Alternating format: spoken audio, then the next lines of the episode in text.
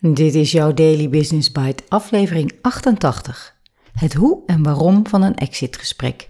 Met checklist door John van Schagen op MT Sprout. En ik ben je host Marja Braber. Je luistert naar Daily Business Bites met Marja Den Braber. Waarin ze voor jou de beste artikelen over persoonlijke ontwikkeling en ondernemen selecteert en voorleest. Elke dag in minder dan 10 minuten.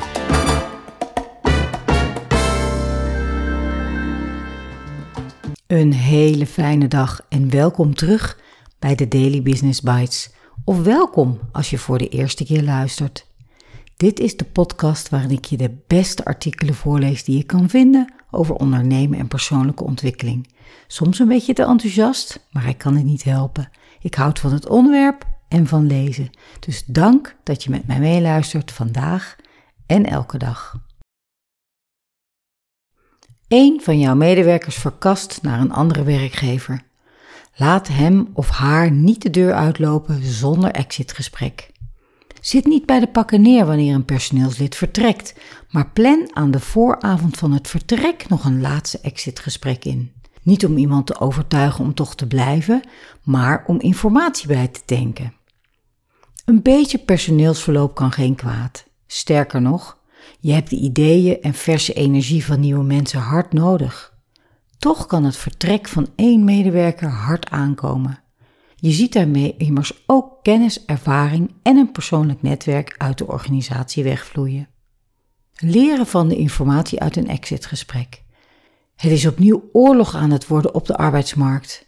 Als je heel veel moeite moet doen om mensen aan te trekken en ze verlaten toch weer relatief snel de organisatie, dan zul je toch iets moeten bedenken om de achterdeur weer dicht te krijgen, zegt Jacco van den Berg, oprichter en directeur van Van den Berg Training en Advies. Je kunt dus leren van ieders vertrek om zo nog een aantrekkelijker werkgever te worden op de arbeidsmarkt en het personeelsverloop terug te dringen. Informatie die je uit zo'n exitgesprek opdoet, kun je onder meer gebruiken voor het bijstellen van inwerkprogramma's, de stijl van leiding geven of het sociale beleid.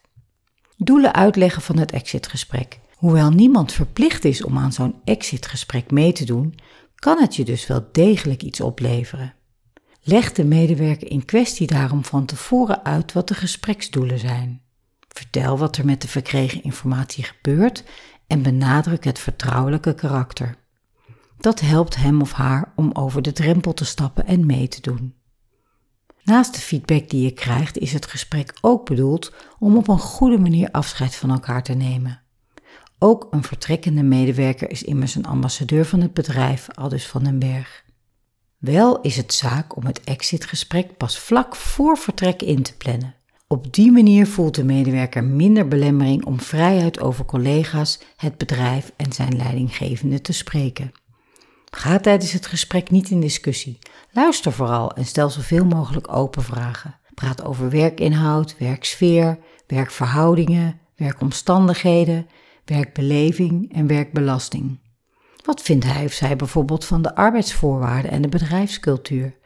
Vraag heel gericht wat diegene prettig en ook minder prettig vond. Hanteer niet al te strakke vragenlijsten, want daarmee dwing je het gesprek meestal te veel een kant op. Oh ja, nog een laatste tip. Laat het exitgesprek bij voorkeur uitvoeren door iemand van HR of PNO. De kans is groter dat dan een aanstaande ex-collega het aandurft om zijn hart te luchten. Dat kan bij de direct leidinggevende heel anders uitpakken. Checklist. Welke vragen stel je in een exitgesprek? 1. Wat vond je de leukste aspecten van het werk en wat de mindere? 2. Welke bezwarende werkomstandigheden waren er? 3. Wat vond je van de manier van leiding geven?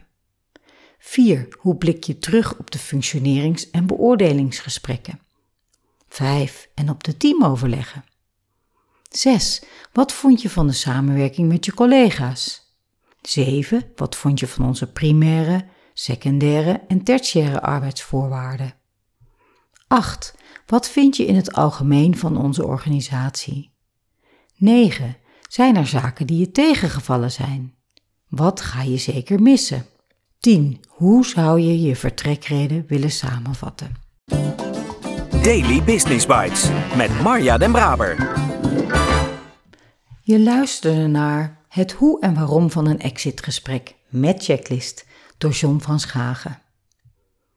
Aan het begin van het artikel vond ik John wel heel luchtig schrijven over het vertrekken van personeel. Je moet niet bij de pakken neerzetten, het is eigenlijk best wel goed een beetje verloop. Even dacht ik nog, heb ik een ouder artikel gevonden uit een periode dat veel bedrijven niet zo met personeelstekorten kampten als op dit moment. Maar nee, vlak daarna gaat het, terecht vind ik, toch over een aantrekkelijke werkgever zijn en het kunnen verbeteren hiervan door exitgesprekken te houden. Dan snap ik het weer. Na wat onderzoek over aantrekkelijk werkgeverschap kwam ik op het jaarlijks onderzoek van Randstad over dit onderwerp. Uit het laatste onderzoek van 2022 volgt dat een aantrekkelijke werkgever toont bevlogenheid en heeft een droom. Hm, dat kan ik wel plaatsen. Verrassend is dan weer dat de wensen van medewerkers al jaren hetzelfde zijn en dus eigenlijk bijna niet veranderen. Het lijkt wel in beton gegoten, zegt een van de onderzoekers. Tada, of juist niet tada dus. Het is een aantrekkelijk salaris en goede arbeidsvoorwaarden die nog steeds op nummer 1 staan, gevolgd door een prettige werksfeer en een gezonde balans tussen werk en privé. Samenvattend, exitgesprekken voeren is natuurlijk super slim. Hopelijk hoef je er niet te veel te voeren, maar als je er een hebt, dan lijkt de checklist uit dit artikel mij super handig en zijn het hele goede vragen. De Columbo-achtige, oh ja, nog één ding. Laat niet de direct leidinggevende dit gesprek doen, maar er snap ik. Maar ik weet nog niet of ik het daar wel echt mee eens ben. Daar kom ik nog een keer op terug. Ik spreek je graag morgen weer.